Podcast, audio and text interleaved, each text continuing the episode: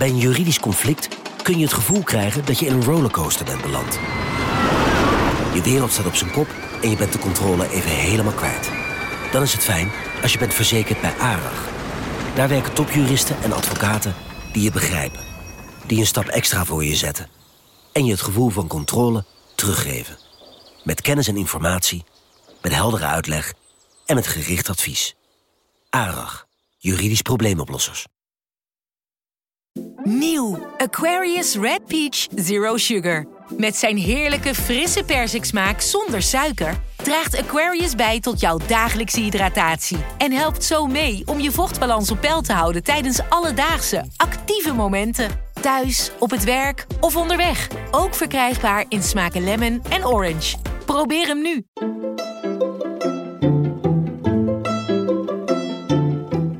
Welkom.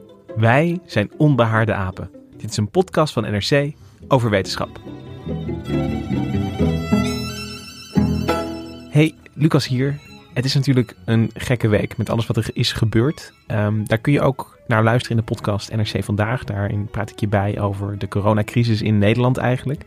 Maar voor onbehaarde apen heeft dat ook consequenties. En een van die gevolgen is dat we voorlopig hebben afgesproken om geen drie gesprekken meer op te nemen, maar met z'n tweeën de studio in te duiken. We gaan wel gewoon door, want ook eh, als iedereen thuis zit is het natuurlijk fijn om eh, te horen over al het mooiste dat wetenschap te bieden heeft. En ik denk dat we ook vandaag weer een heel erg interessant onderwerp hebben uitgekozen om uit te pluizen. Dus we gaan beginnen.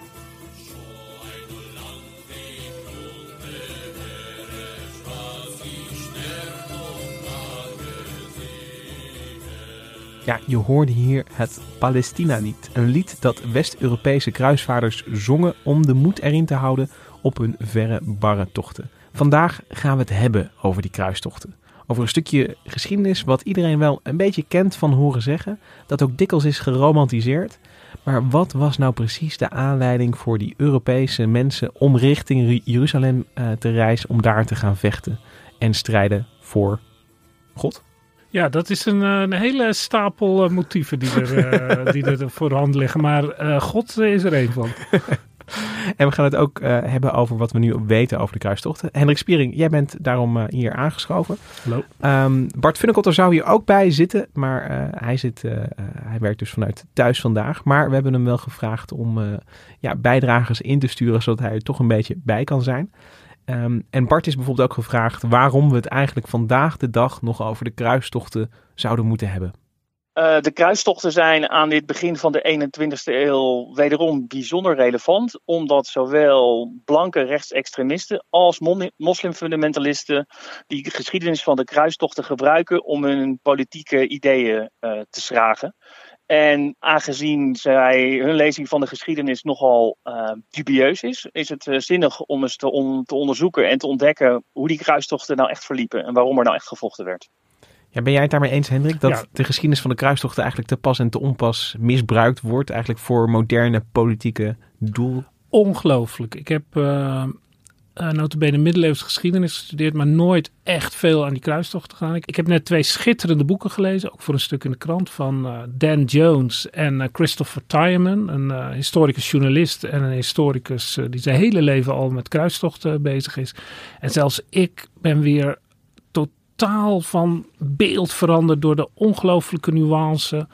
Het, het, het, het lijkt barbarij en gekkigheid, maar het is als eigenlijk vrij normaal. Als ik het een beetje overdreven zeg. Oké, okay, ik wil heel kort even mijn beeld van de kruistochten, mijn naïeve beeld van de kruistochten, ja. eigenlijk even, even ja, hier op tafel leggen. En dan mag jij heel kort zeggen wat je daarvan vindt. En dan gaan we dat uh, verder verkennen. Maar als ik denk aan de kruistochten, dan denk ik aan religieus geïnspireerde ridders. Die omwille van hun religie eigenlijk ja, richting het Midden-Oosten trokken om Jeruzalem, de heilige stad, te veroveren op de moslims. En dan. Oh, check. Dat, dat is... is... het primaire motief. Anders waren ze namelijk nooit naar Jeruzalem gegaan. En dan waren ze gewoon in de buurt gaan vechten. Ja, en is het dan uh, met deze premisse. Uh, ligt het dan voor de hand dat dat in, in tijden van moderne spanningen tussen Oost en West ook weer uit de kast gehaald wordt en, en weer opnieuw geframed wordt eigenlijk? Nou, ik vind het eigenlijk niet voor de hand liggen, want uh, het is, uh, er is, loopt niet een directe lijn tussen de huidige conflicten en uh, de middeleeuwen. Het was een totaal andere tijd. De verhouding tussen Oost en West was ook volkomen anders. Maar misschien kan Bart het eigenlijk veel beter vertellen. Paus Urbanus II riep in 1095 alle christenen op om het heilige land te bevrijden van de moslims, die daar sinds de zevende eeuw de scepters waaien. En volgens de paus was het nu een opportun moment, omdat in de moslimwereld de nodige verdeeldheid bestond. Dus er was een goede kans dat de christenen daar nu in zou, erin zouden slagen om Jeruzalem, de, de, plek, heiligste plek in het christendom, om Jeruzalem te bevrijden van de, de, moslimbezetters, zoals zij dat zagen. Nou, er vertrok ongeveer een leger van uh, 100.000 man van Europa, uit Europa. En die kwamen in 1097 uh, in het Midden-Oosten aan. Er vond toen een aantal uh, veldslagen plaats. En de Franken, zoals ze zich noemden, de westerse kruisvaarders, trokken, aan het, trokken aan het langste eind. En na twee jaar vechten bereikten ze op 7 juni 1099 Jeruzalem. Ze sloegen hun tenten op voor de poorten van de heilige stad. En ze moesten daar gaan belegeren. En dat moest eigenlijk heel goed, goed over nagedacht worden. Maar de religieuze geestdrift liep zo hoog op. dat de aanvoerders hun troepen bijna niet meer in bedwang konden houden. En op 13 juni, dus een week nadat het beleg werd was opgeslagen, werden de, de muren bestormd. Nou, dat ging mis. de, de verdedigers wisten de aanval af te slaan. Toen, enkele dagen later, arriveerde er in de havenstad Jaffa, die door de kruisvaarders inmiddels was bezet, een vloot met voorraden. En daarvoor konden de kruisvaarders twee belegeringstorens bouwen. En op 15 juli lukte het de Franken om uh, de stad binnen te dringen met die belegeringstorens. En toen vond er een gigantisch bloedbad plaats. bijna iedereen die in de stad was, werd over de klink gejaagd. Er is een ooggetuige uh, die verklaart dat uh, de, de, Frankische ridders letterlijk tot hun enkels door het bloed waden. Ja, Hendrik, hier heb ik eigenlijk twee vragen over. En het eerste is over de muziek die we weer hoorden, net zoals aan het begin van deze aflevering. Uh, hoe, hoe, komen we aan deze muziek en, en uh, wat, wat, voor muziek is het? Ja, die, die eerste was het Palestina-lied uit uh, 1220 ongeveer, van Walter van de Vogelweide, een van de grote minnezanger troubadours uit Duitsland. En dit was een van de weinige liederen van hem die, waarvan de muziek nog bewaard is gebleven. Dus het is vrij authentiek. En dat is een beetje een, een heel religieus uh, lied. Je voelt ook de, de, de religieuze extase die mensen hebben, die hun hele leven over Christus en Jeruzalem hebben gehoord en daar dan werkelijk zijn. Er staat de eerste couplet eindigt bijvoorbeeld: Ik ben gekomen op de plaats waar God in menselijke vorm liep. En uh, het, het paar alinea's verder, uh, coupletten verder, gaat er dan heil aan de speer, het kruis en de doornen. Dat zijn dus de martelwerktuigen waar Christus uh, mee leed. En uh, wee voor jullie heidenen, want we zullen jullie straffen. Alsof zij dat gedaan hebben, maar goed, dat is weer een ander verhaal. En dat, we die, dat die muziek op schrift gesteld werd, is, is best bijzonder, toch? Dat we dat nog hebben Nee hoor, nee, er is, er is van alles aan bekend. Het is alleen niet zo makkelijk uh, te interpreteren, omdat het hele andere notatievormen zijn. En dat andere lied is eerder, dat is uit een van de dieptepunten van de kruistochten, op 1150 ongeveer. Dat is de, bij de tweede kruistocht, die jammerlijk mislukt is, maar dat is een heel ingewikkeld verhaal. Maar dan uh, is dit lied gecomponeerd in het Frans. En dat is echt een heel martiaal lied. Uh, geweldige ridders, goede ridders. De, het, het, heil is nabij. God heeft jullie geroepen. Take, uh, ik heb het hier in het Engels staan. neem de, de wapens op tegen de Turken. En de, de heidenen die God gekwetst hebben. Dat is een beetje de... De teneur. Ja, de, de wake-up call die er dan is. Maar je hebt het al, uh, Bart had het over uh, het einde van de 11e eeuw. In 1095 dat die beslissing was genomen. Het, ja. En uh, je hebt nu al, al twee andere jaartallen genoemd. Ja. je hebt het over 1150 gehad en over 1220, als ik Ja. het goed heb. Dus, dus dat, die kruistochten, dat is, ja, je kunt je, als, als, als, als je die naam hoort, denk ik aan één campagne bijna. Maar, maar het is dus een, een hele serie geweest over meerdere eeuwen. Je moet je eigenlijk, uh, het is, een, het is een, uh, een 200 jaar heeft het geduurd. Eigenlijk van 11, uh, 9, of 1099, als Jeruzalem is ingenomen, tot het, het laatste moment is 1291. Dus dat is pak een beetje, ja, bijna op de kop of 200 jaar later. En al die tijd is er dus een koninkrijk Jeruzalem geweest. En je kan de periode eigenlijk indelen in twee vakken. De eerste 100 jaar, tot ongeveer 1187. Dan is het uh, gewoon een koninkrijk, Jeruzalem als hoofdstad en die, die kuststeden allemaal uh, verbanden tussen steeds meer kastelen die allemaal van dat geld werden gebouwd, waarmee, uh, waarmee die handel werd belast natuurlijk. En dat is nog steeds heel indrukwekkende architectuur. En ging het er echt zo bloedig aan toe als dat Bart beschreef? Ja, die, dat, dus die eerste 100 jaar is uh, de bloeitijd eigenlijk. Maar dan krijg je nog 100 jaar. En het is gebruikelijk om die als een neergang te zien. Omdat in 1187 wordt Jeruzalem veroverd door uh, de, de moslimheersers uit de buurt. En dat is natuurlijk allemaal heel vreselijk. Maar in feite bleef het land uh, gewoon bestaan. En ja, je hebt dus zeg maar acht, negen, misschien wel tien generaties Franken gehad. Die daar al die tijd gewoond hebben. En zich ook als ingezetenen voelde van dat gebied. Dat vind ik wel een bijzondere gedachte om te bedenken dat twee eeuwen lang dat koninkrijkje eigenlijk vanuit West-Europa daar gesticht is. Mensen zijn natuurlijk niet toevallig op het idee gekomen om naar Jeruzalem te gaan en daar speelt de christelijke ideologie natuurlijk wel een grote rol. Nou, dat is de grote vraag die uh, voor mij ook nog open staat in hoeverre uh, die preek van uh, Urbanus II, waar Bart het al over had. Het was natuurlijk een, een, een vonk in het kruidvat. Want hij houdt die reden en binnen vier jaar is Jeruzalem veroverd. Dat is ongelooflijk. Dat is een van de, van de vreemdste dingen die in de middeleeuwen gebeurt. Ook de aantallen mensen. Ook... Want over wat voor aantallen hebben we het?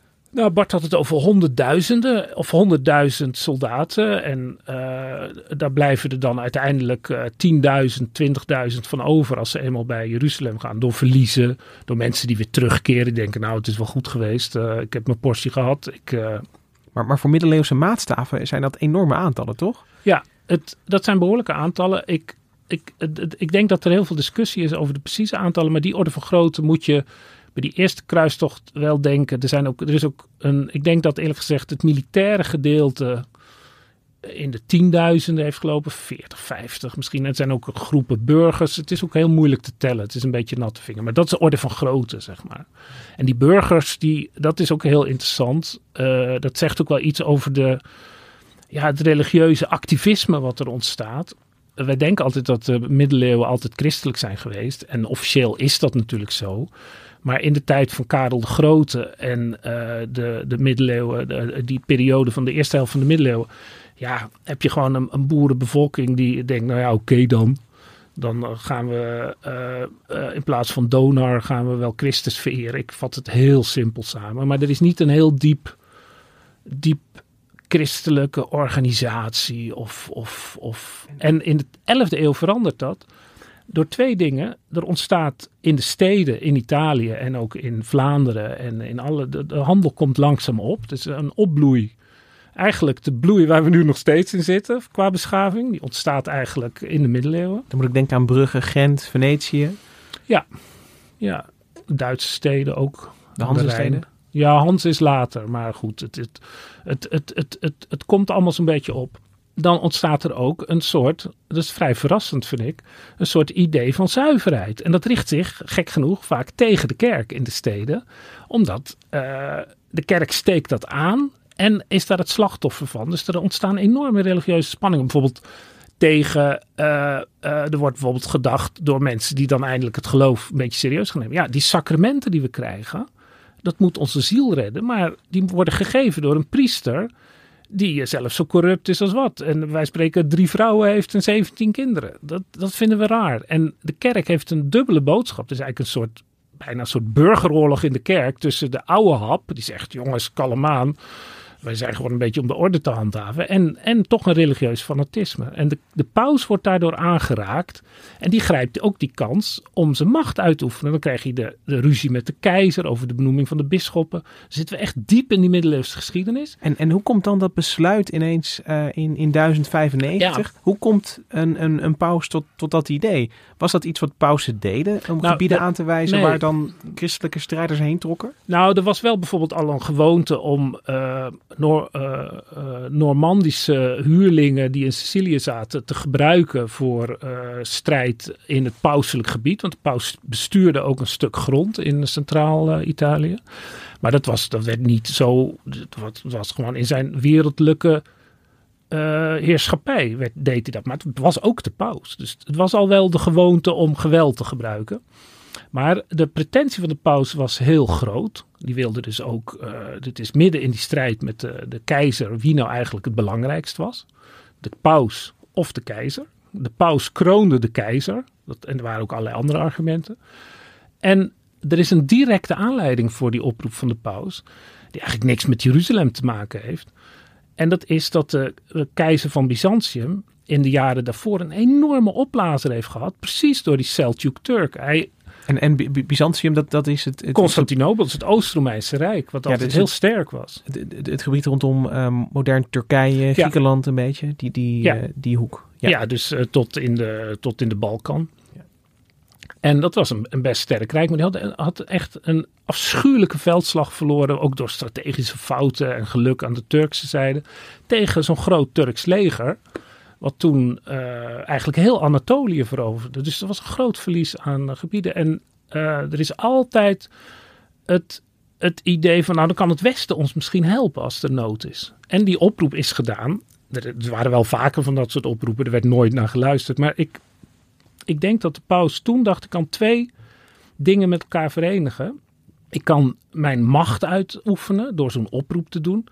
En ik, er is één lijntje wat ik nog niet genoemd heb. Dat is dus die, die toename van christelijkheid. Die leidde tot die onrust in de steden. En die, dat grotere geloofsijver. Dat had ook een bestuurlijke kant. Dat de bestuurders in de 11e eeuw en de ridders. Dat waren eigenlijk gewoon krijgers die zochten toch ook een christelijke legitimatie voor hun gebrek of door voor hun uitoefening van het geweld. Wat je hebt is de godsvrede, dat begint in de 10e eeuw al. Dat is, Wat is dat? Ja, dat is een lokale afspraak. Bijvoorbeeld in het, in het graafschap Champagne of ergens anders.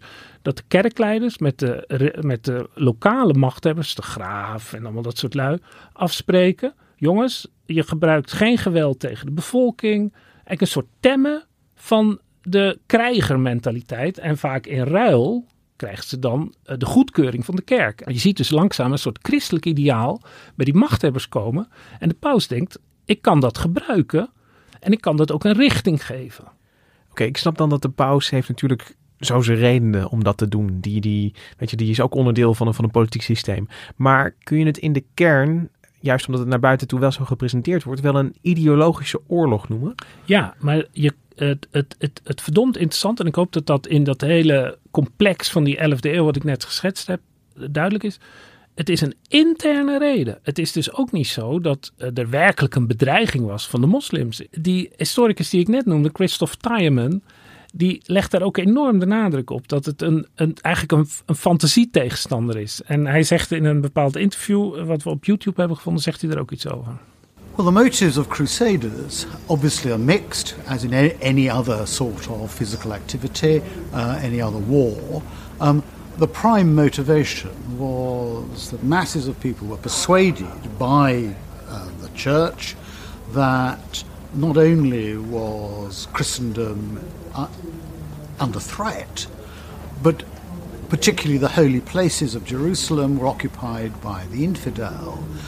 And this wasn't simply a territorial matter, it wasn't simply a matter of legalistic ownership or, or even a, ma- a matter of geopolitics. It was a matter of identity. You, as a Christian, have an obligation to fight for your God. Your God says you must reclaim these lands that were given to you by Christ's blood. Ja, het klinkt toch alsof dat een, een, een motivator was. En, ja, de prime motivation. Ja, ja dus dat dat wel uh, de, de, de argumenten waren waarmee je dus, dus mensen tot actie kan overzetten. Want het, het is nogal wat. Dat, uh, ik, ik, ik bedoel, het is, het is ver weg. Het is ongewis hoe het uit gaat pakken.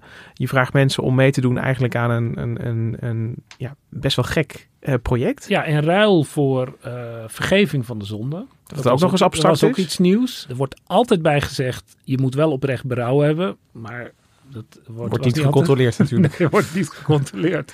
En, en is het dan, ik bedoel, er stond dus geen financieel gewin tegenover. Nou, je moet niet vergeten dat uh, die kruistochten, de grote kruistochten, die werden georganiseerd in, uh, en vrij goed georganiseerd uh, door leidende edelen. De eerste kruistocht was niet door koningen, maar door, door zeg maar het tweede niveau, hertogen en, belangrijke graven die ook veel geld hadden. En die, die gaven, die, die lieten zich dan overtuigen. En die gaven dus ook gewoon opdracht aan hun apparaat om dat te doen. En werden dus allerlei uh, groepen uh, edelen opgeroepen met hun retainers, hoe zeg je dat in Nederland, hun volgelingen. En die werden gewoon betaald. Het was ook een economische onderneming. En Tyeman die schrijft in zijn boek ook dat we, het, het is duidelijk dat die, die leidende edelen, die hadden op zijn minst een belangrijk godsdienstig motief. Maar ze hadden ook allerlei persoonlijke motieven. Uh, sommigen die, die hoopten eigen land te vinden daar. Omdat ze, uh, zoals Bohemond van de Sicilië, ja, die had eigenlijk geen erfgoed. Dus die dacht, nou... Dit is een kans. Ja, het was ook de belangrijkste vechter eigenlijk van het uh, stelletje. En die, die wordt dan ook hertog van Antiochië. Oké, okay, dus, dus nu probeer ik me een, een kruistocht voor te stellen. En ik, ik stel me toch een sliert mensen ja. voor op, op weg naar, naar het ja. Midden-Oosten. Uh, stel ik trek iemand uit de groep aan de zijkant. Met, met wat voor iemand heb ik dan waarschijnlijk van doen? Ja, en dan slaat ik... waarschijnlijk gelijk je hoofd eraf. Want het is enorm bedreigend geweest, die tocht. Dus ze staan allemaal totaal op scherp. Ik, ik gebruik een iets andere strategie. Ik ga, ik ga meelopen en ik begin te praten tegen, ja. tegen iemand die naast me loopt. En ik zeg, hey, ho, wie, wie ben jij en uh, wat doe je hier en waarom ben je hier? Is, is de kans groot dat ik dan naast een... een ja, toch een soort, soort uh, uh, uh, iemand van adel loopt. Die, die, die, of, of wat was de meerderheid? Nou, de, geen ridder en, en gewoon een, een. De meerderheid is, kijk, een ridder. Ik geloof dat een, een normaal feodaal leger is 2000 man paard en dan 10.000 infanterie. Dus dat zijn gewoon voetsoldaten. Dat, ik denk dat de kans groot is dat je iemand treft die, die zeg maar de taal van het lied van Walter van de Vogelweide. Ik, ik ga naar het heilige land. Ik ga mijn ziel redden. En uh, het is ook een geweldig avontuur. En ik hoop dat ik het overleef. Ja, het is toch een, een bijzondere onderneming. En ik wil het ook even van de andere kant uh, bekijken. Van, uh, ik, ik snap nu een beetje waarom, waarom deze beweging op gang komt. En wat die mensen daar komen doen. Is er nog ook een, een goede reden in het Midden-Oosten zelf? En je hebt er al een, beetje iets over gezegd. Dat, het, dat, ehm, dat Jeruzalem en, en de koninkrijks eromheen ook niet heel sterk stonden. Wat voor rijk treffen ze dan aan daar als ze eenmaal aankomen in het Midden-Oosten? Nou ze treffen geen rijk aan. Kijk, als, als het honderd jaar eerder was gebeurd, wat in theorie denkbaar was geweest. Ik, de, constellatie in West-Europa met het christendom was niet zo groot toen. Dus ik denk het niet. Maar stel dat ze honderd jaar eerder waren aangekomen, dan hadden ze drie. Uh, dan werd het Midden-Oosten beheerst door drie sterke staten. Het, het, het Byzantijnse Rijk, wat dan christelijk was dat heel Turkije had, heel Anatolië. Het, je had het kalifaat wat in Bagdad zat en wat ook behoorlijk goed georganiseerd was. En uh, wat dus uh, zeg maar de rest van het Midden-Oosten, behalve Egypte. En daar zat toen een Sjiïtische, Fatimidische uh, dynastie die ook weer een eigen kalif hadden. Dus dat was ook een beetje concurrentie, maar dat was stabiel. Weet je, die, er waren drie heel goed georganiseerde rijken. En die hadden korte metten gemaakt met zo'n leger van avonturiers. En even in, in de moderne tijd klinkt kalifaat natuurlijk. Moet je gelijk denken, ik moet gelijk denken aan IS. En ik, ik, ik grijp, grijp ik IS moet dan... altijd gelijk denken aan uh, Haroun al-Rashid en Duizend en één nacht. En daarom zit jij daar en, en, en ik hier, denk ik. Maar als, je het, uh, als jij zegt het kalifaat, dan uh, is dat dan het kalifaat waar IS op teruggreep, zeg maar? Van, van dat willen we terug? Is, is, is, is dit het? Nou, de grap is dat het een vrij kalifaat was. Ik denk dat het IS uh, wil terug naar de zevende eeuw. Uh, de vroege, uh, heel dicht bij Mohammed. Oké, okay, dus, dus als, je, als jij nu zegt van, van in Bagdad was het centrum van het kalifaat, dan was dat, moet ik gewoon denken, eigenlijk een staat. Een keizerrijk eigenlijk. Een Die keizerrijk. orde van grootte is het. En een heel sophisticated, heel literair, geleerd hofcultuur. En dat was 100 jaar voor de kruistocht. Ja, en, en dus het jaar 1000, dan heb je dat. En dan, uh, dat blijft natuurlijk een tijd zo, maar dan rond uh, in die eerste helft van de 11e eeuw, dus tot en met 1050, heb je die invloed van die Seljuk-Turken. En er zijn nog wat, wat dingen. Bijvoorbeeld de Seljuks, die veroveren eigenlijk gewoon Bagdad.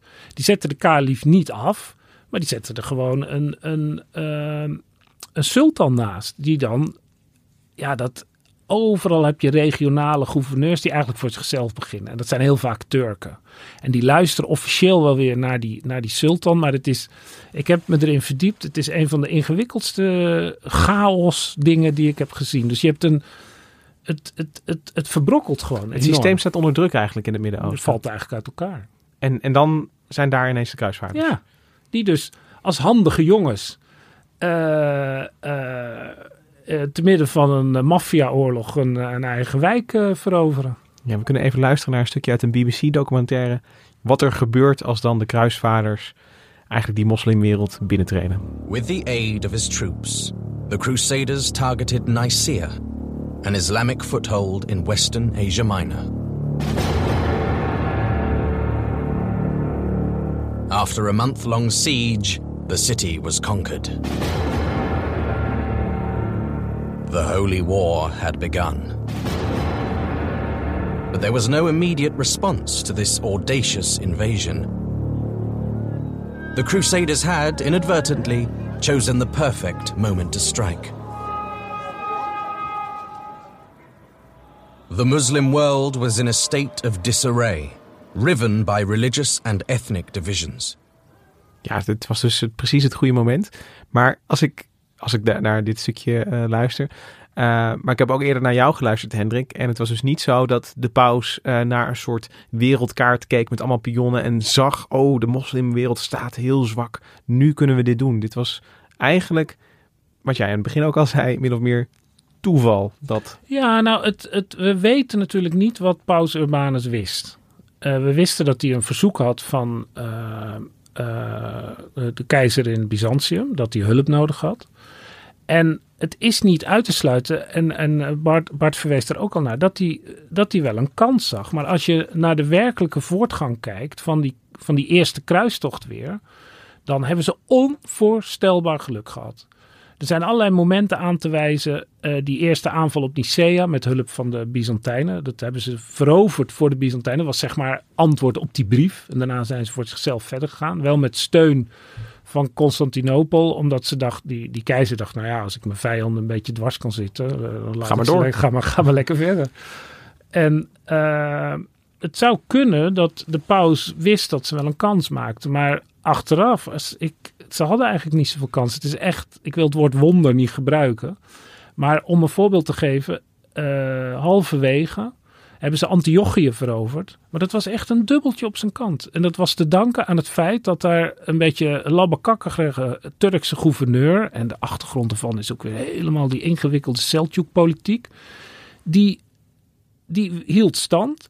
Maar eh, die Bohemond, die ik ook net noemde, die deed een aanval, heel met verraad. Zo doe je dat bij verlegeringen. En die wist een toren te veroveren. En die gouverneur raakte in paniek en vertrekt. Terwijl het leger, ontzettingsleger, was in aantocht, was op een dag afstand. de, het leger dat de Turk had bevrijd. Ja, dat de Turken te hulp van, kwamen. Van de ja. belegering. Ja, die in één klap, die hele wanhopige kruisvaarderstroep die daar voor, het, eh, voor de stad lag, eh, op had geruimd. En dat, binnen één dag draait het helemaal om. Maar Nicea, Nicea lukt, Antiochië lukt en Ja. zelfs Jeruzalem lukt. Ja, en ook die veldslag onderweg, midden in Anatolië, die lukt ook. En hoe kan dat? Dat, eh, ehm, ik bedoel, je bent een vreemd leger. Er is, er is geen ja, ervaring met dit soort grote campagnes. Nee, maar ze werden natuurlijk steeds beter. Want ze kregen natuurlijk ook door wat de Turkse technieken waren. En, en het, het, het, eh, het is ook niet zo dat, dat een, een, ridderleger eh, stelletje... Ik bedoel, het was geen Monty Python natuurlijk. Hè? Het waren gewoon geoefende krijgers. Zo moet je het eigenlijk zien. We hebben nu heel lang over die, die eerste religieuze fontein van die, van, die, van die eerste kruistocht gehad. Maar als ze er eenmaal zitten, gaan er heel veel weg. Er blijven er een paar duizend over die dat langzaam gaan opbouwen. Er komen weer mensen bij. De koning van Noorwegen die komt bijvoorbeeld in 1001 of 2 met een zootje schepen nog even helpen. De koning van Noorwegen. Ja, Die Ja. vertrekt uit een fjord en die komt aan, die meert aan in Beirut bij ja wijze ik van geloof spreken. dat hij 16 jaar was toen. En met eh, volgens mij een paar duizend man en enorm veel schepen. En dan zegt hij alsjeblieft. Ja, en hij verdient er natuurlijk ook ontzettend veel aan. Want ja, die, er is heel veel rijkdom. Dus je kan ook een beetje plunderen hier en daar. Dan krijg je met, met, met, met, met schatten en handelswaar Ja, mag maar- je terugkomen. En ook natuurlijk een, een, een jonge christelijke monarchie. En, en, en is, is dat een probleem dat je ineens plop heb je een, een christelijk Frankisch koninkrijkje in de moslimwereld? Ja, dat is niet zo'n probleem, want ze kunnen goed vechten. En eh, ze zijn eh, eh, gewend om te vechten. En ze maken ook indruk op hun buren. En die, ja, die zijn verdeeld. Dat, moet, dat is het allerbelangrijkste. Damascus denkt, nou, oké, hoe gaat dit? Uh, de Fatamiden, die nog steeds in Egypte zitten, maar verzwakt zijn, die denken, nou, die hebben het eerste wat ze doen, is een brief sturen. Wil je ons niet komen helpen tegen Damascus? Dus die tegenstelling is helemaal niet zo groot. Het, het zijn gewoon rare, rare huurlingen die daar komen. Nou, oké, we hebben de Seljuks gehad. Nu uh, hebben we die, die Franken. We sturen ze een brief. We sturen, ja, of ze gaan sturen. Ja, nee, natuurlijk. Maar het precies. Het zal in ieder geval niet per e-mail zijn. Je gaat je even voorstellen aan een nieuwe buren eigenlijk. En kijken wat je eraan hebt. Ja, en je hebt dus een, een, een, het uitproberen. Kijken wat er te doen is. En uh, uh, op een gegeven moment heb je daar dus generaties Frankische heersers, want ze noemden, werden dus Franken genoemd en ze noemden zichzelf ook, die ook allerlei wetten hebben dat uh, in die handelssteden uh, zijn ook heel veel moslims, die handelen natuurlijk ook. En die mogen dan op best op de Koran zweren als er een rechtszaak is. Dat maakt allemaal niet uit, zoals er in zo'n rechtstekst uh, staat. Het zijn allemaal mensen zoals de Franken ook zijn. Dus er is een soort gewoonheid die je zou vergeten als je alleen maar op die eerste kruistocht let. Die natuurlijk, ja, dat is natuurlijk een onvoorstelbaar verhaal. Een vreselijk bloedbad aan het eind. Maar verder is een soort normaliteit. Op een gegeven moment in rond 1170 is de koning van Jeruzalem, Amalrik, een van de betere koningen. Want ze hebben ook niet veel geluk gehad met de kwaliteit van hun koningen. Net als trouwens ook in West-Europa, waar je ook vreselijke koningen had. Die, uh, die is bezig in Egypte met een heel ingewikkeld spel. Met de, de emir van uh, Damascus, die, met verraad en hulp. En ja, met z'n drieën, met die grootvizier van Cairo, zijn ze, is een, een vreselijk ingewikkeld spel dat best had kunnen leiden dat hij de baas van Cairo was geworden. Maar in dat hele spel tussen Damascus, Cairo en Jeruzalem delft het kruisvaardersrijk, het rijk van de Franken daar, eigenlijk toch het onderspit. We hebben aan Bart gevraagd om even uit te leggen hoe die enorme optater die het Rijk der Franken daar kreeg te beschrijven. Het duurde tot uh, het optreden van een drietal mannen, Zengi, uh, zijn zoon Nouradin en dienstopvolger Saladin, uh, dat de kruisvaarders het echt moeilijk kregen. Deze drie slaagden erin om de, de moslims rondom het koninkrijk Jeruzalem te verenigen en uiteindelijk uh, slaagde Saladin erin om in 1187 Jeruzalem terug te veroveren. Nou, toen uh, werd in, het, in Europa onmiddellijk de derde kruistocht uitgeroepen, zoals die heette. Die derde kruistocht, dat was de kruistocht met de meeste sterren aan boord, zullen we maar zeggen. Onder andere koning, de Engelse koning Richard Leeuward en zijn Franse collega Philips II.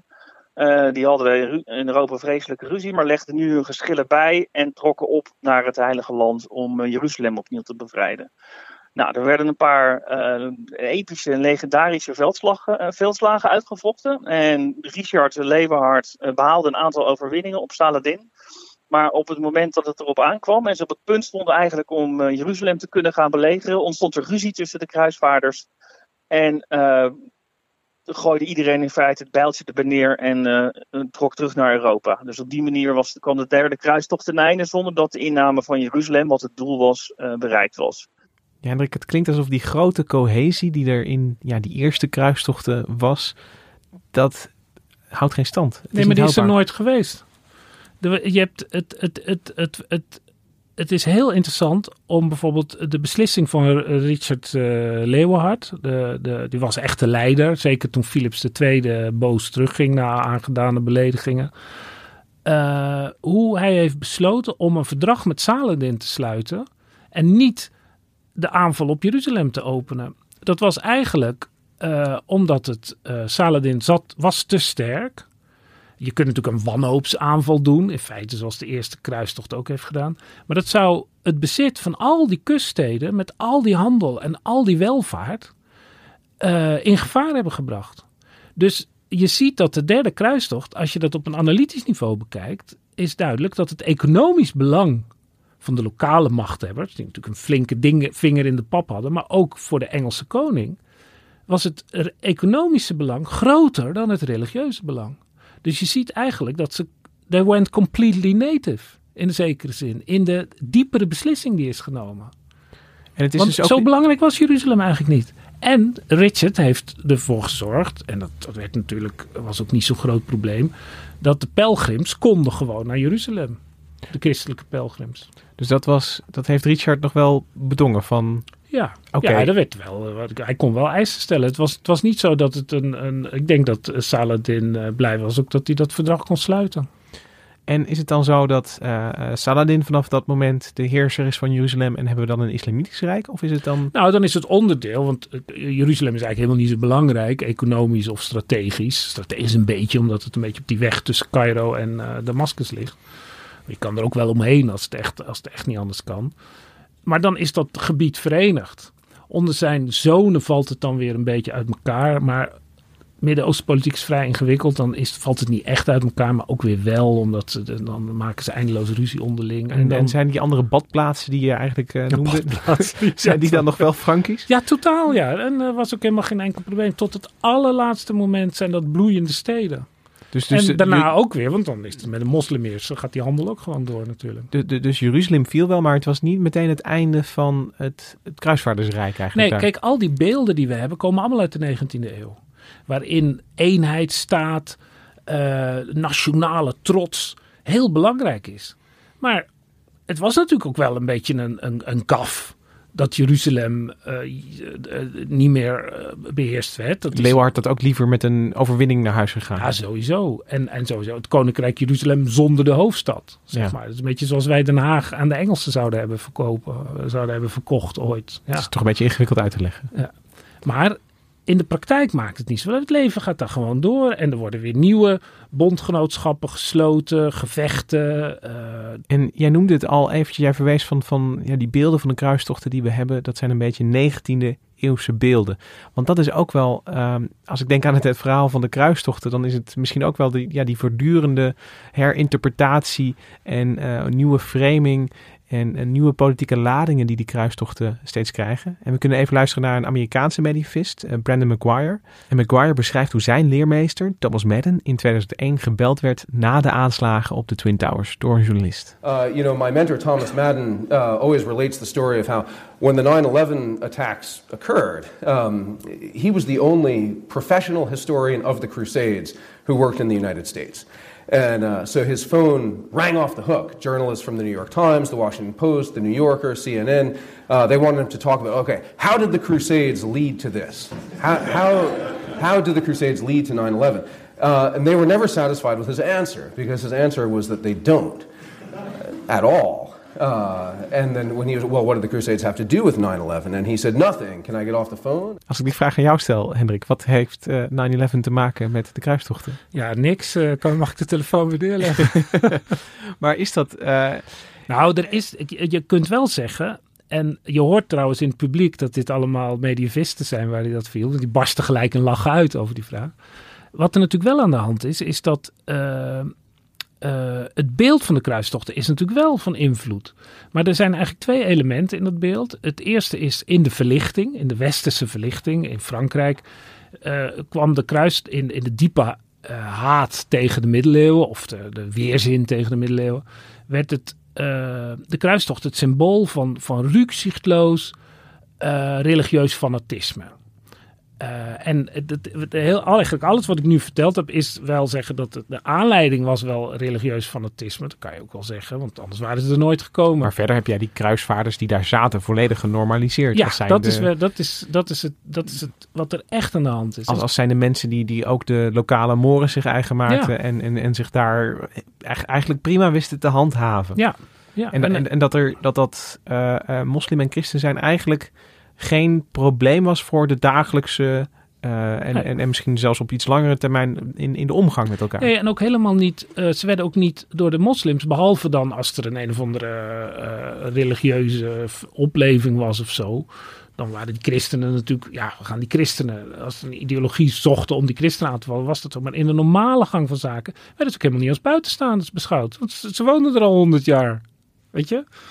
En in de, dus in de verlichting is, eh, eh, eh, is de kruistocht het symbool van, van ja, totale katholieke waanzin. Ook bij de protestanten, die moeten helemaal niks van die kruistochten hebben. En dan in de 19e eeuw, bij de tijd van het imperialisme en uitbouw van kolonialen, dan wordt in Engeland en in Frankrijk en in Duitsland, wordt dat beeld eigenlijk weer opgeroepen van hé, hey, we hebben wortels in de, negen, in de, in de middeleeuwen. Toen, Oh, toen deden er- ze dat ook. Daar werd er een beetje op teruggegrepen Ja. van het is niet zo gek dat wij naar andere plekken op de wereld gaan en, en ja, onszelf daar tot Nee. heerser uitroepen. Want dat is iets wat al duizend jaar geleden werd gedaan. Ja, koningin. Victoria was keizerin van India, de Engelse koningin. En Richard Lionheart die was bijna koning van Jeruzalem geworden. Weet je, we staan in een lange traditie. En eh, we hebben Bart ook gevraagd of er iets in zit in die vergelijking tussen ja, kolonisatie en kruistochten. Of dat inderdaad een zinnig model is om te kijken naar wat er gebeurde in de 11e en 12e eeuw. Ik, ik denk niet eh, dat je de kruistochten kan zien als een eerste vorm van kolonisatie. Want het was nooit de bedoeling om eh, de landen te bezetten en vervolgens uit te buiten, zo je wil. Dat is zoals wij eh, kolonisatie zien. Eh, men wilde Jeruzalem echt veroveren vanuit een christelijk ideaal. Kijk, dat er uiteindelijk geld mee te verdienen viel met de handel eh, die door de Levant liep, eh, dat, daar waren we, de Franken snel genoeg achter. En van het geld waren ze natuurlijk niet vies. Maar het was niet eh, de bedoeling om eh, het, het nabije oosten te koloniseren of om iedereen daar bijvoorbeeld eh, massaal te bekeren. Ik denk dat jij het daarmee eens bent, Hendrik. Ja, daar kan ik het echt volkomen mee eens zijn. Ja. En dan wil ik je toch nog iets, iets voor... wel jammer eigenlijk. Ja, no- normaal als, je- als Bart en jij Ja. samen in één studio zitten, dan, dan zijn er nogal wel wat eh, Vinden we altijd wel iets. om het over oneens te zijn. Maar hier schaar je achter. Het is een vergelijking waar je misschien wel iets van zal, zal leren, maar of, of je echt eh, hout snijdt, dat is, eh, dat is maar de vraag. We hebben net dat stukje gehoord, eh, die muziek bij die, bij die slag om Nicea. Ik kan er eigenlijk niet eens meer tegen. Ik ben het, het, die, die sfeer van, van verheerlijking van geweld en van eh, een soort, soort grootsheid. Weet je, ik, ik, ik denk altijd, daar gaan we weer met onze romantische 19e eeuwse idealen.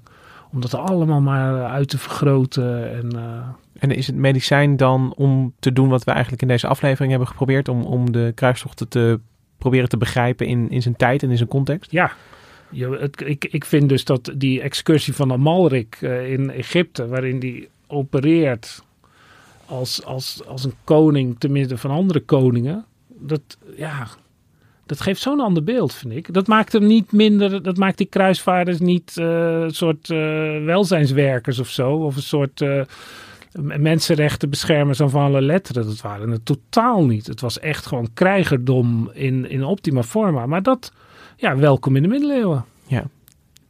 De late kruistochten lekker middeleeuws zijn. En eh, besmet daar niet de moderne politiek mee, zou ik bijna willen zeggen. Oké, dankjewel Hendrik dat je ons uit de doeken wilde doen eh, hoe de kruistochten in elkaar staken en eh, hoe dat ging. Bart Funnekotter ook bedankt voor je assistentie op afstand. Ik mis hem wel eigenlijk. Ja, ik mis hem ook. Maar we moeten toch op een of andere manier de, deze tijd doorkomen. En dat doen we op deze manier. Misha Melita, heel erg bedankt voor de productie van de, deze aflevering. Henk Ruigrok van der Werven, bedankt voor de techniek.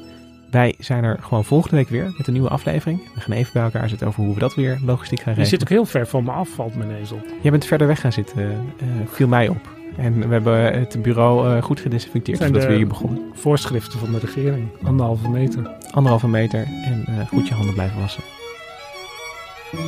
Tot volgende week.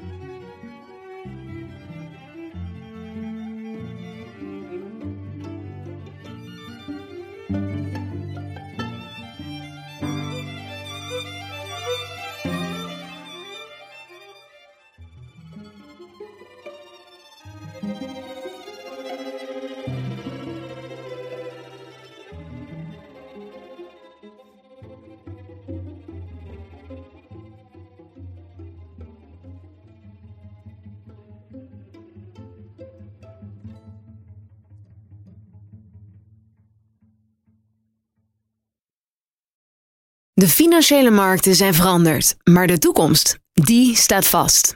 We zijn in transitie naar een klimaatneutrale economie. Dit biedt een van de grootste investeringskansen van onze generatie. Een kans voor u om mee te groeien met de pioniers van morgen. Meer weten? Ga naar carbonequity.com. Carbon Equity. Do good by investing better.